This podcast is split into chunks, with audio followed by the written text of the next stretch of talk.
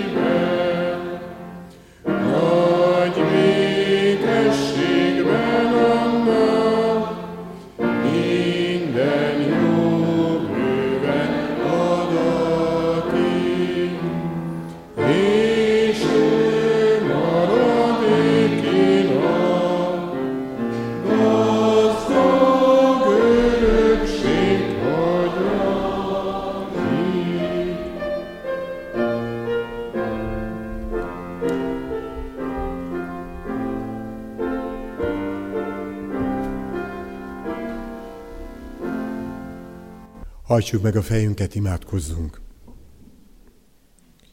Hűséges Istenünk, mennyi édesatyánk, A te szavad erős és hatalmas. Ha te szólsz, az tett, az cselekedet, az történés.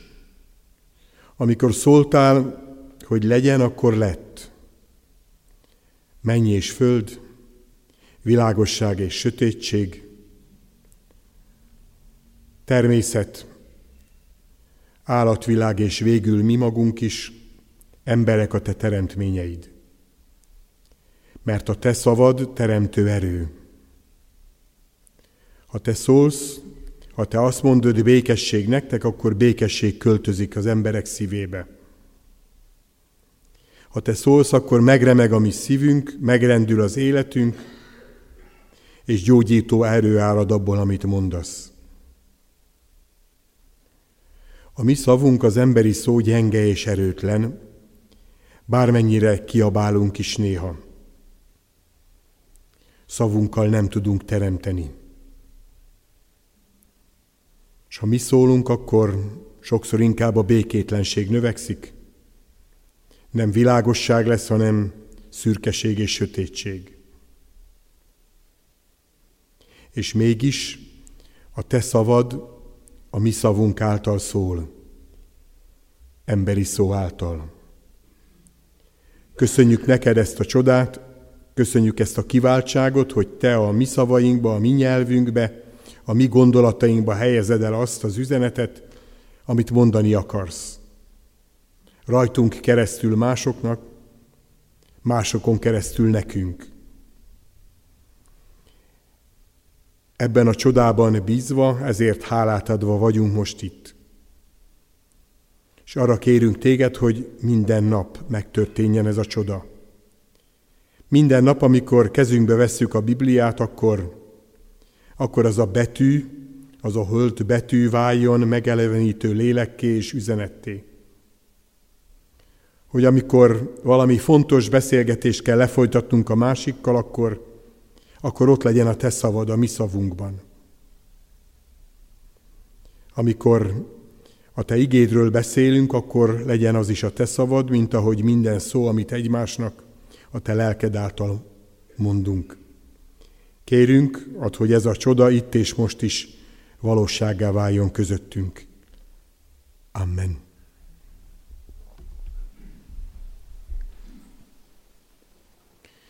Isten igéjét a holnapi napra rendelt ige szakaszból olvasom. Lukács evangéliumából a 22. rész 54-től 62-ig terjedő verseit. Miután pedig elfogták Jézust, elvitték és bekísérték a főpap házába. Péter pedig távolról követte. Mikor az udvar közepén tüzet raktak és körülülték, Péter is leült közéjük. Amint ott ült a tűz világánál, meglátta őt egy szolgáló, szemügyre vette és így szólt. Ez is vele volt. Ő azonban letagadta, ezt mondta. Asszony, nem ismerem őt. Röviddel ezután más látta meg és rászólt, te is közülük való vagy. De Péter így válaszolt, ember, nem vagyok. Körülbelül egy óra múlva más valaki is bizonygatta, de bizony ez is vele volt, hiszen ő is Galileából való. Péter azonban ismét tagadta, ember, nem tudom, mit beszélsz. Még beszélt, amikor hirtelen megszólalt a kakas. Ekkor megfordult az úr, és rátekintett Péterre, Péter pedig visszaemlékezett az úr szavára, amikor azt mondta neki, ma mielőtt megszólal a kakas, háromszor tagadsz meg engem. Aztán kiment, és keserves sírásra fakadt.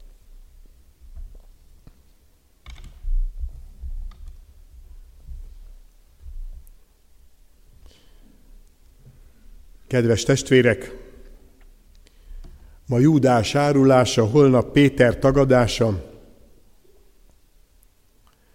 Júdás körül az a titokzatos rendelés, hogy ennek így kell lennie. Péter meg közöttünk van.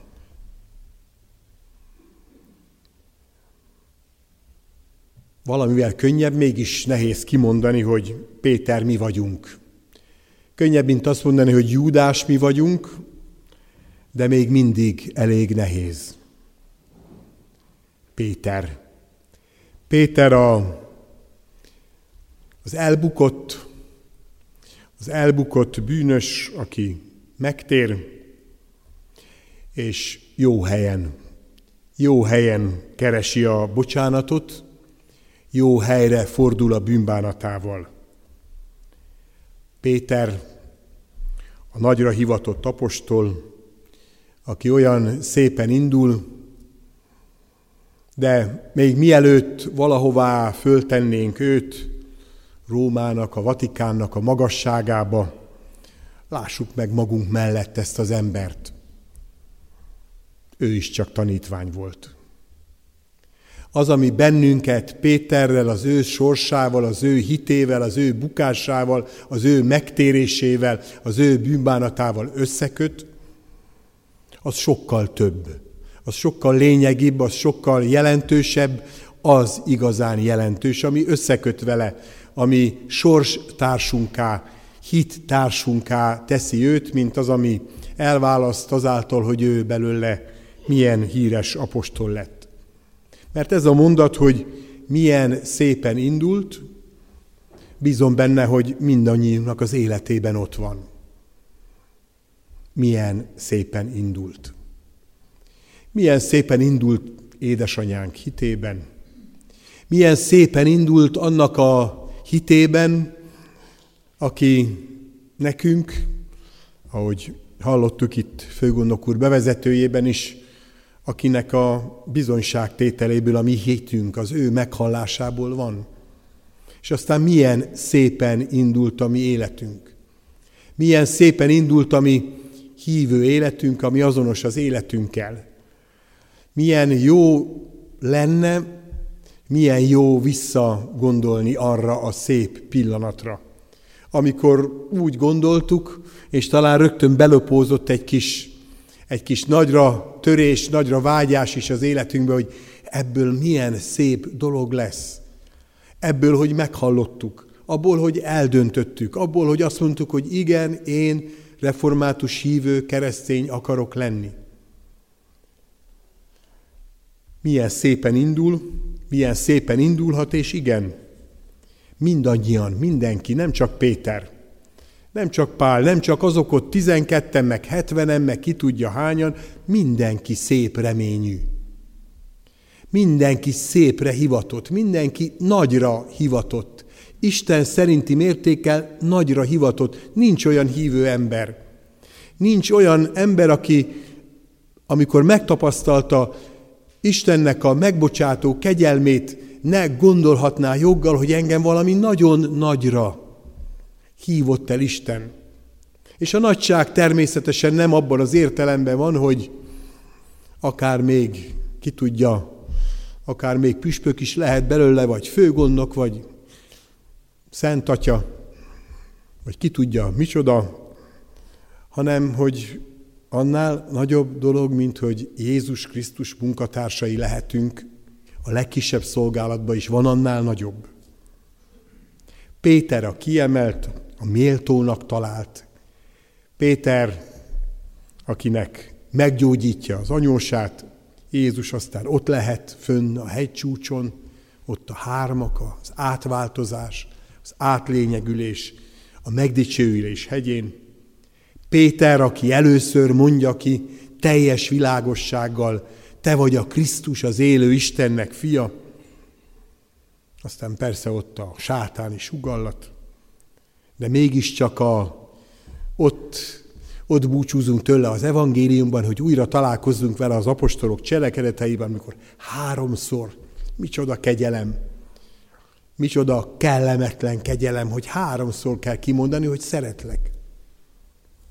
És aztán az apostolok cselekedetében Jeruzsálem, Antiókia, Cézárea, ott aztán a végén, ahogyan azt az egyházi hagyomány mondja, Rómában megérkezik, de most még a tagadásnál tartunk. Tagadás. Hol van? Hol van helye? Van helye a tagadásnak az életünkben? Péternek az életében? A tagadás okát aránylag könnyű megtalálni. Kézenfekvő, félelem, őrtüzek, szolgák, katonák. Jézus, ha képletesen is, de bilincsben, tövis koszorúval, halálos ítéletre várva, hogy ne félne. Az okát, az okát annak, hogy miért is buktunk el, és amin érdemes mindig újra és újra gondolkodni, azt aránylag könnyű megtalálni. A félelem az annyi mindenre válasz. Ez a, ez a félelem az emberben, a szorongás, a gyávaság, annyi minden helyzetben, annyiféle helyzetben eljutatja az embert oda, hogy elbukik. De ennek a történetnek csak a kisebb része az, amikor azt mondja nekünk, hogy gondolkozza saját bukásodnak az okán, hogy mi vezetett oda. Az sokkal fontosabb, hogy azon gondolkozzunk, hogy nem csak oka van a bukásnak, hanem célja is. Hogy mi a célja ennek a bukásnak. Mi a célja ennek az apostolnak az életében, aki olyan nagyra hivatott annak, hogy elbukik, hogy azt mondja, hogy nem ismerem, pedig ismeri. Még mindig jobb, nem? Úgy mondja, hogy nem ismeri, hogy ismeri. Mert ha tényleg nem ismerné, csak egy ilyen felszínes ismerettség lenne, akkor van jelentőség, hogy azt mondja, hogy semmi közöm hozzá. Nem tudom, szabad-e ilyen nehéz történetben ezt a legendás 50-es évekbeli humort fölidézni, amikor megkérdezik a államvédelmi hatóságok kontól, hogy ismeri-e Grünt, mondja, hogy dehogy ismerem. És megkérdezik, hogy és Weisset, akkor inkább Grünt. Kit ismerünk? Felszínesen valakire azt mondani, hogy nem ismerem, az nem olyan, az nem olyan nagy kockázat. De úgy mondani valakire, hogy nem ismerem, hogy úgy ismerem, és akkor idézzük Pálaposolta, hogy rám ismert az Isten, ahogy rám ismert Jézus, hiszen ez az ismeret ez nem Péterben gyökerezik, hanem Krisztusban gyökerezik. Így mondani, hogy nem ismerem, ebben több esély van a megbocsátásra, a visszatérésre, a megtérésre. És, és ez lehet a célja ennek a bukásnak. A célja, hogy Péter megtapasztalja a gyengeségét. A kőszikla. Petros. A kőszikla megtapasztalja a gyengeségét, és ennek a gyengeségnek a megtapasztalása, és annak a megtapasztalása, hogy hogy lehet túljutni ezen a gyengeségen, arra szüksége van a keresztény embernek.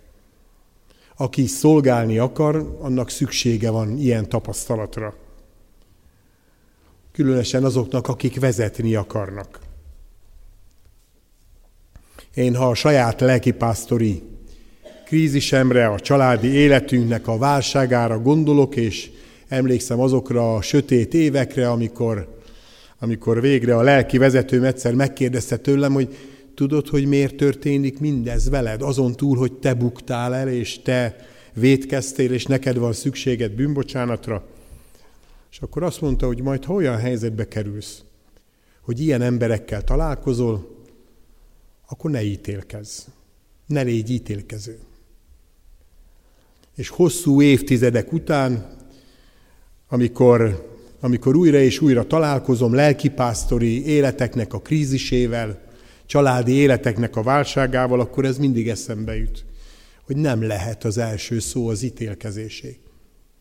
Szükség van rendre, szükség van arra, hogy következménye legyen a dolgoknak, persze jogilag is, de az első az mégiscsak a, a bűnbánatra hívás, a bűnbocsánatra hívás. És ezért fontos, és ezért fontos, hogy ti is tudjátok, hogy ebben az évben egyházunkban, az egész Magyarországi Református Egyházban, és a felvidéki testvérek is csatlakoztak ehhez, a lelkipásztori hivatás éve van.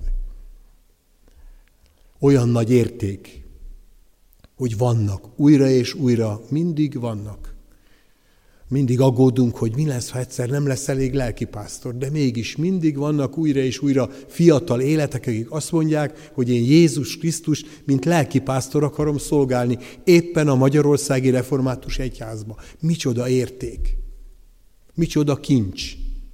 Ezt óvni, támogatni, szeretni, bátorítani, gondozni, hivatás, gondozás. Megerősíteni az elhívásban, újra és újra, amikor jönnek a válságok, mert hát ha Péternek az életében ott volt, akkor kik vagyunk mi, hogy mi ezt majd megússzuk, mi ezt majd kikerüljük. Nálunk ez nem következik be. A lelkipásztori hivatás éve az azt jelenti, hogy gyülekezet nélkül, a gyülekezetek támogatása nélkül nincs lelkipásztori, erős lelkipásztori hivatás, és erős lelkipásztori hivatások nélkül nincs egyház, nincs gyülekezet. Kecskeméten se és másütt sem. És közben pedig így a nagy hétre készülve, a szenvedés történet állomásain végigmenve, látni a lelki vezetőinknek az esendőségét. Látni a lelki vezetőinknek a gyengeségét. Látni azt, hogy hogyan buknak el lelki vezetők, igen, közöttünk is. Mennyi, mennyi gondunk van ebből, a sajátunkból, meg a másokéból, a szolgatársakéból. De ez egy református világban azt üzeni nekünk, hogy ne a lelki vezetőidbe higgy, ne a lelki pásztorba higgy, Jézus Krisztusba. Ez a mi református világunkban, reformátori világunkban különösen erős. Amikor a felnőtt hit azt mondja, hogy én nem a papon keresztül jutok el Jézus Krisztusig, hanem közvetlenül. Megszólítom őt. És ezért akkor, amikor megrendülne a bizalmam az egyházba, mert vannak olyan lelki vezetők, és ezek nem csak lelki pásztorok, még presbiterek is lehetnek, még nagyhangú gyülekezeti tagok is lehetnek, ki tudja milyen világhírű reformátusok, meg keresztények, akkor tudatosítsa magamba, hogy ennek az egyháznak az ura Jézus Krisztus. És mi neki hiszünk, és benne bízunk. És akkor, amikor megrendül a bizalmunk azokba, akik Péterként, meg még sorolhatnánk, elkezdve Ábrahámtól, Dávid királyon keresztül, meg Mózes és a többiek, akik, akiknek a gyengesége ott van előttünk, még mielőtt megrendülne ezért a hitünk abban, hogy ez Jézus Krisztus egyház, akkor néz Jézusra. Mert hogy Jézus is ránéz. És amikor megnézzük, hogy mit is tagad ez a Péter, akkor valójában aki, aki így megtagadja Krisztust, az önmagát tagadja meg. A saját életét. És ez ebben a, ez ebben a tragikus, hogy amikor amikor egy nevet tagad meg, egy ismerettséget tagad meg, egy viszonyt, egy kapcsolatot tagad meg, akkor azt is megtagadjuk, azt a sok jót, azt a sok áldást, amit abból kaptunk. Annyira előttem van éppen húsvéthoz közeledve az én saját kis első tagadásom, amire ugye emlékszem, nyolc éves voltam, készültünk a locsolkodásra, fiúk azok tudják, hogy az ember már a zseppénzt azt már akkor beosztja ott abban a szegény kis felső borsodi világba, hogy majd a faluba mennyi hímes tojás, meg mennyi zseppénz lesz ebből, és akkor úgy gondolkoztam rajta, kemény harc folyt az egyház ellen abban a kommunista világban, hogy hát azért úgy tudom optimalizálni a jövedelmet, hogyha inkább két verset tanulok meg.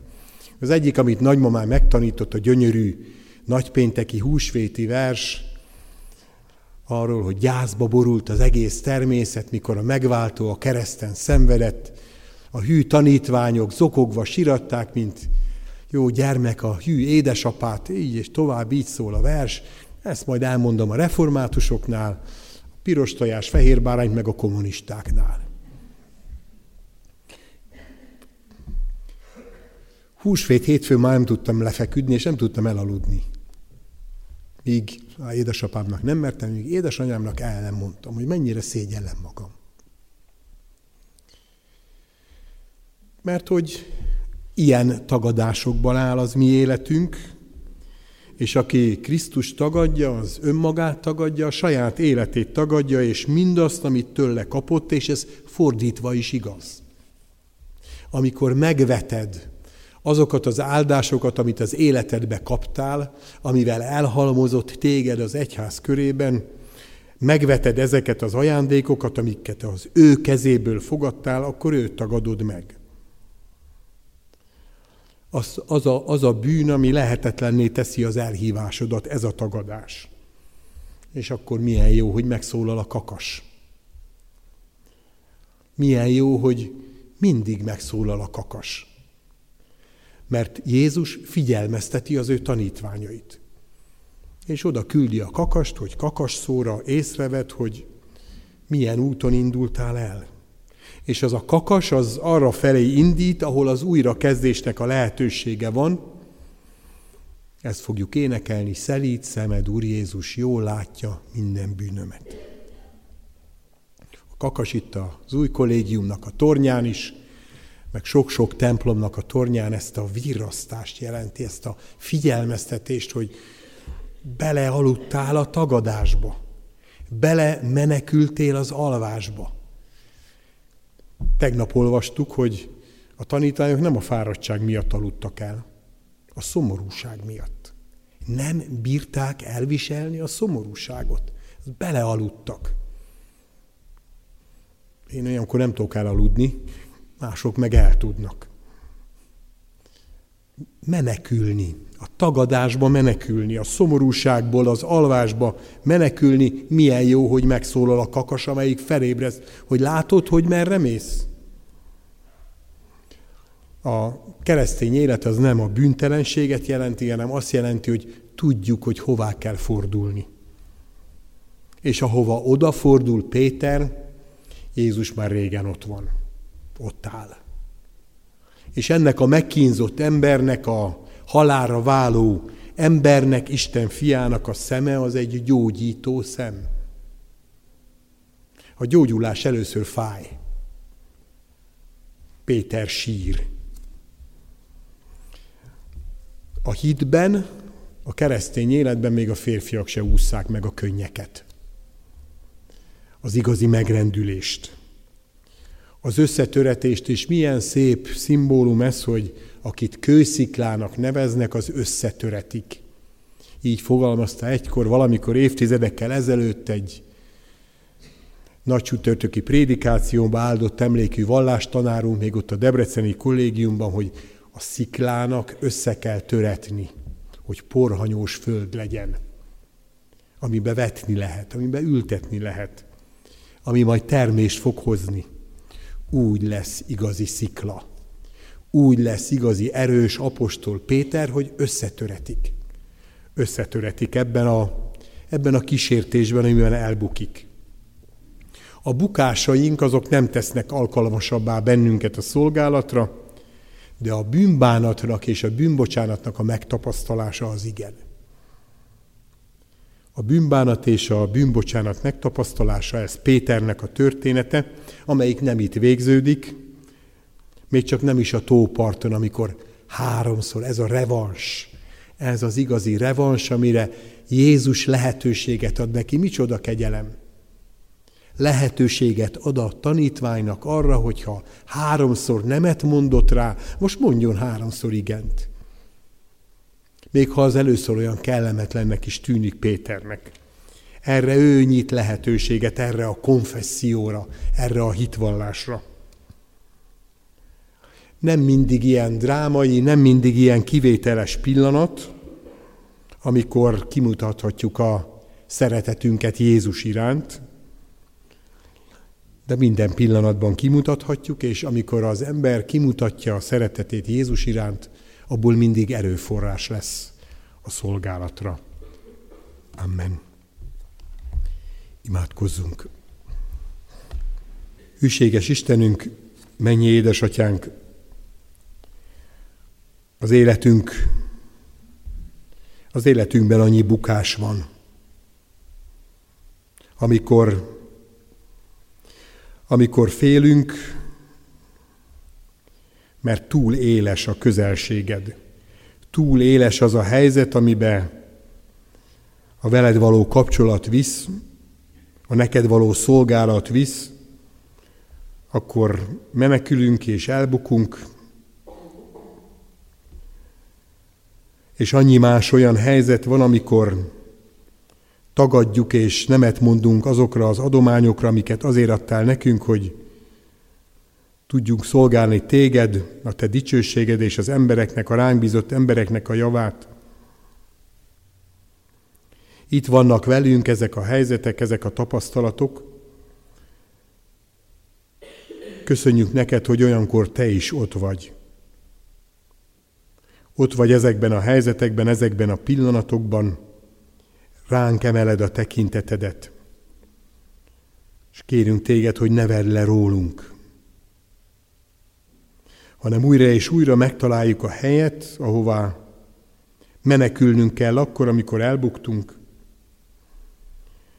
így kérünk most téged magunkért. Magunkért, a lelki vezetőinkért, akár lelkipásztorok, akár nem, hogy át tudjuk élni, és át tudjuk adni a bűnbocsánatnak az örömét. A bűnbocsánatnak a felszabadító örömét, azt az erőforrást, ami, ami a te bocsánatodból jön, a te szeretetedből. Így kérünk téged magunkért, kérünk téged a Kecskeméti Református gyülekezetért, kérünk a Kecskeméti keresztjénekért és keresztényekért, kérünk ezért a városért, kérünk a mi országunkért és nemzetünkért, kérünk békességet Európában, a lelkekben, a szívekben, a közösségekben, a nemzetek között, és kérjük a Te megbocsátó erődet minden embernek. Jézus Krisztusért. Amen. Maradjunk még néhány percre csendbe a gondolatainkkal, a kérésünkkel, a hálaadásunkkal. Imádkozzuk együtt az Úr Jézustól tanult imádságot, a mi atyánkat. Mi atyánk, aki a mennyekben vagy, szenteltessék meg a te neved, jöjjön el a te országod, legyen meg a te akaratod, miképpen a mennyben, úgy a földön is. Minden napi kenyerünket add meg nekünk ma, és bocsáss meg védkeinket, miképpen mi is megbocsátunk az ellenünk védkezőknek.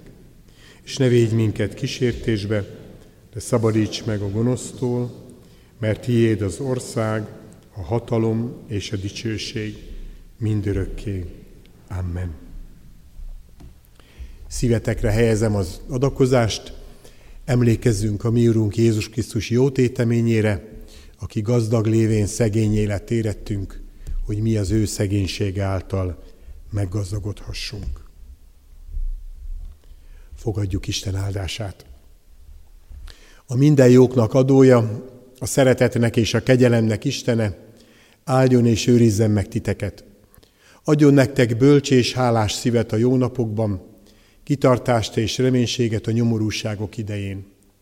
Áldjon meg titeket ti magatokban, testetekben és lelketekben, áldjon meg családjainkban, áldjon meg egyházunkban és nemzetünkben, és áldjon meg egykor majd örök üdvösséggel ott fenn a mennyekben, a mi Úrunk Jézus Krisztus által. Amen.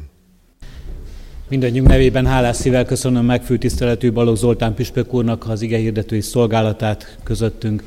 Gyülekezetnek hirdettem, hogy a mai napon generális vizitáció volt hegyházközségünkben, miután kettő órára érkezett a Dunameliki Református Egyházkerület elnöksége és Bámbila Esperes úr, Így köszöntjük egyébként Veres Sándor főgondnok urat is, és Esperes urat most ebben a közösségben. A Széchenyi városi leendő templom épületének telkénél találkoztunk, és megtekintette az egyházkerület elnöksége is azt a helyszínt, ahova tervezzük a Széchenyi városi templom építést. Utána az elnökséggel volt egyeztetés, a lelkészi karral találkozott Püspök úr, főgondnok úr pedig az új kollégium épületét tekintette meg az új kollégium felújításának, fejlesztésének tervei tekintetében majd presbiteri gyűlést tartottunk, és most pedig ezen az Isten tiszteleten lehettünk együtt és találkozhattunk. Hálás a szívünk ezért a lehetőségért, hogy megajándékozott minket ezzel a találkozással. Nagy örömmel adom tudtára a gyülekezet tagjainak is Püspök úr bejelentését a presbiteri gyűlésen, amelyel azt tudatta velünk, hogy az a Dunamelki Református Egyházkerület 20 millió forinttal támogatja a Széchenyi Városi templomépítés tervezési munkáit. Hálás szívvel köszönjük a gyülekezet nevében is ezt a nagylelkű adományt és támogatást. Bízunk benne, hogy minden olyan közös szolgálatunk, amelyben együtt vagyunk, ahogy, ahol együtt szolgáljuk Isten dicsőségét, ezen valóban az ő áldása lesz, és testvéri szeretetben, egyetértésben tudjuk ezt megtenni. Kívánjuk Isten áldását az egyházkerület, az egyházmegye előjáróinak életére, szeretteikre, közös szolgálatunkra. Hirdetem a testvéreknek, hogy a holnapi napon az úrasztalát megterítjük, és úrvacsorai közösségben lehetünk együtt. Készülettünk erre az úrvacsorai közösségre most csütörtök, péntek, és ezen a mai esti alkalmon is Isten igének vezetésével Szeretettel hívjuk és várjuk a gyülekezet tagjait 9 órakor a templomba, és 11 órakor, este 6 órakor ide az új kollégium dísztermébe, Isten tiszteleteinkre. Az Úr legyen a mi gyülekezetünknek, egyházunknak őriző, pásztora, vezére. Záró énekünket énekeljük, a 723. számú dicséretünk a záró énekünk. Szelít szemed, Úr Jézus, így kezdődik ez az ének, ezt énekeljük minden versével. thank you